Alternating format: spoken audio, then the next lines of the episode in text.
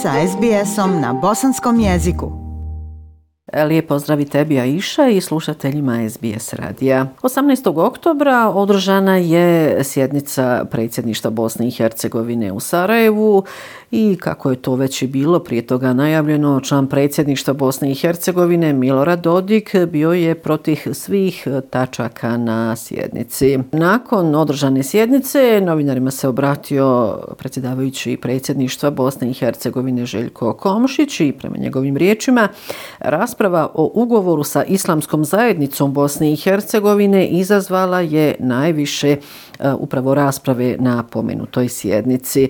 E, poslušajte izjavu Željka Komšića. Sjedište islamske vjerske zajednice u Sarajevu, dakle, taj element inostranosti otpada. Da bi postigli ravnopravan odnos prema vjerskim zajednicama u Bosni i Hercegovini, naše je mišljenje da predsjedništvo treba da prihvati i ovaj ugovor. Gospodin Dodik se tome protivio zbog toga što je taj ugovor različit u odnosu na ugovore sa SPC-om i katoličkom crkvom i jeste različit u toliko koliko je različito e, ispoljavanje i upražnjavanje religije drugačije kod muslimana u odnosu na pravoslavce i katolike. E, svoju posebnu preskonferenciju nakon što je održana sjednica predsjedništva Bosne i Hercegovine imao je i član predsjedništva Milorad Dodik. E, evo šta je on rekao u vezi sa pomenutom tačkom dnevnog reda.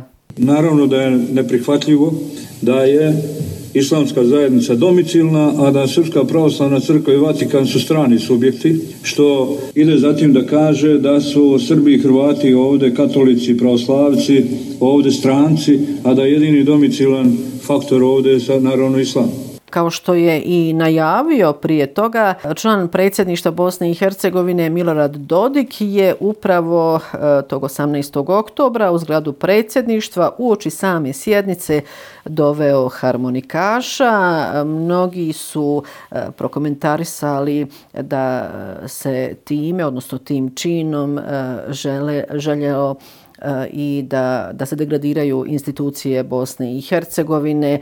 E, evo šta je u vezi s tim rekao Šefik Džaferović, član predsjedništva Bosne i Hercegovine.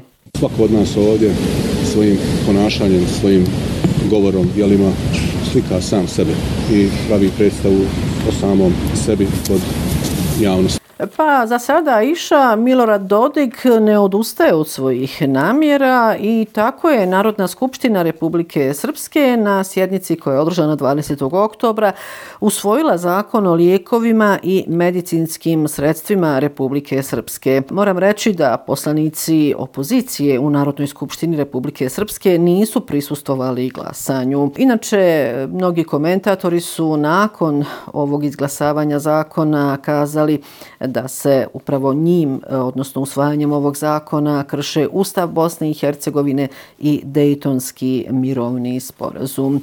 Oglasile su se i Američka ambasada u Bosni i Hercegovini kao i Ureda visokog predstavnika.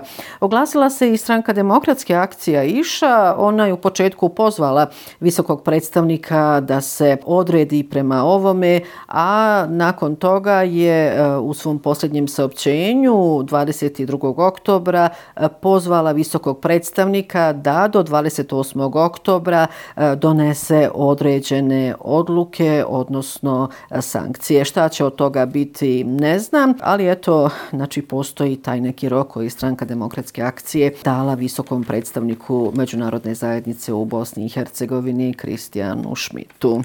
E, nakon više mjesečne, pa rekla bih, prave drame rušenja Gordane Tadić, članovi Visokog sudskog i tužiteljskog vijeća Bosne i Hercegovine su na svojoj sjednici 20. oktobra tijesnom većinom i preglasavanjem e, privremeno e, okončali njen mandat. Dakle, Gordana Tadić i definitivno više nije glavna tužiteljica ovog Eh, tužiteljstva Bosne i Hercegovine.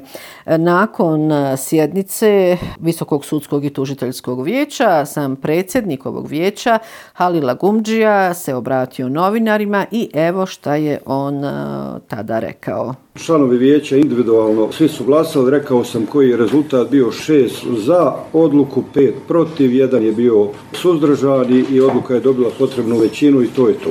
E, tog istog dana, znači 20. oktobra, su članovi Visokog sudskog i tužiteljskog vijeća za vršitelja dužnosti glavnog državnog tužitelja izabrali Milanka Kajganića. Kajganić je na ovu poziciju izabran sa sedam glasova, tri protiv i tri suzdržana nakon prijedloga podvijeća na nivou Bosne i Hercegovine. Poznavatelje unutrašnjih prilika u tužiteljstvu i sudu Bosne i Hercegovine Kajganića tretiraju kao mladog profesionalca koji je najbolji izbor u ovoj situaciji i čije imenovanje može predstavljati i stabilizaciju odnosa. Što se tiče koronavirusa, e, i dalje su brojke oko 800 dnevno zaraženih, Ali ono što je bitno da u Bosni i Hercegovini stižu kontingenti novih vakcina. Tako, na primjer, je 22. oktobra stiglo oko 60.000 doza vakcine Moderna i to je prvi put da je ova vrsta vakcine stigla u Bosnu i Hercegovinu. Riječ je o donaciji Republike Hrvatske. Inače, direktor Federalnog zavoda za javno zdravstvo e, Siniša Skoči-Bušić je potvrdio u 21. oktobra eh, da je plaćen transfer, transport iz Njurka za Sarajevo oko pola miliona doza Pfizera vakcine koje su donacija Sjedinjenih američkih država. Od donatora zavisi kada će one biti isporučene. Prema riječima direktora Federalnog zavoda za javno zdravstvo Siniše Skoči-Bušića, Vakcina za sada ima dovoljno i stalno pristižu novi kontingenti.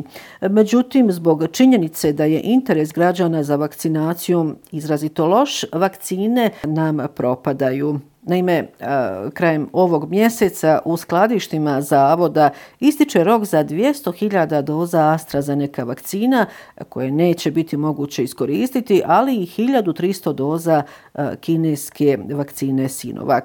To je e, potvrdio direktor Federalnog zavoda za javno zdravstvo Siniša Skočibušić i ponovo apelovao na građane da se vakcinišu. E, evo, prema biltenu vakcinacije Zavoda za javno zdravstvo kantona Sarajevo, do sada je u potpunosti vakcinisano ukupno 152.697 stanovnika e, protiv COVID-19, što čini 46% punoljetnih građana od ukupnog broja potpuno vakcinisanih stanovnika, 116.957 je vakcinisano u zdravstvenim ustanovama kantona Sarajevo, dok su se ostali imunizirali izvan zdravstvenih ustanova kantona Sarajevo. Inače, iz Zavoda za javno zdravstvo kantona Sarajevo ističu da je obje doze vakcine primilo i 318 osoba mlađih od 18 godina, što čini samo 0,21% stanovništva. A prema broju građana koji se trebaju revakcinisati u narednih nekoliko dana, iz Zavoda poručuju da ćemo najvjerovatnije do kraja mjeseca imati preko 50% potpuno vakcinisanih punoljetnih građana u kantonu Sarajevo. Moram reći da je ovo još uvijek i eh, solidan eh, postotak eh, broja vakcinisanih građana u kantonu Sarajevo. U federaciji je taj postotak mnogo manji.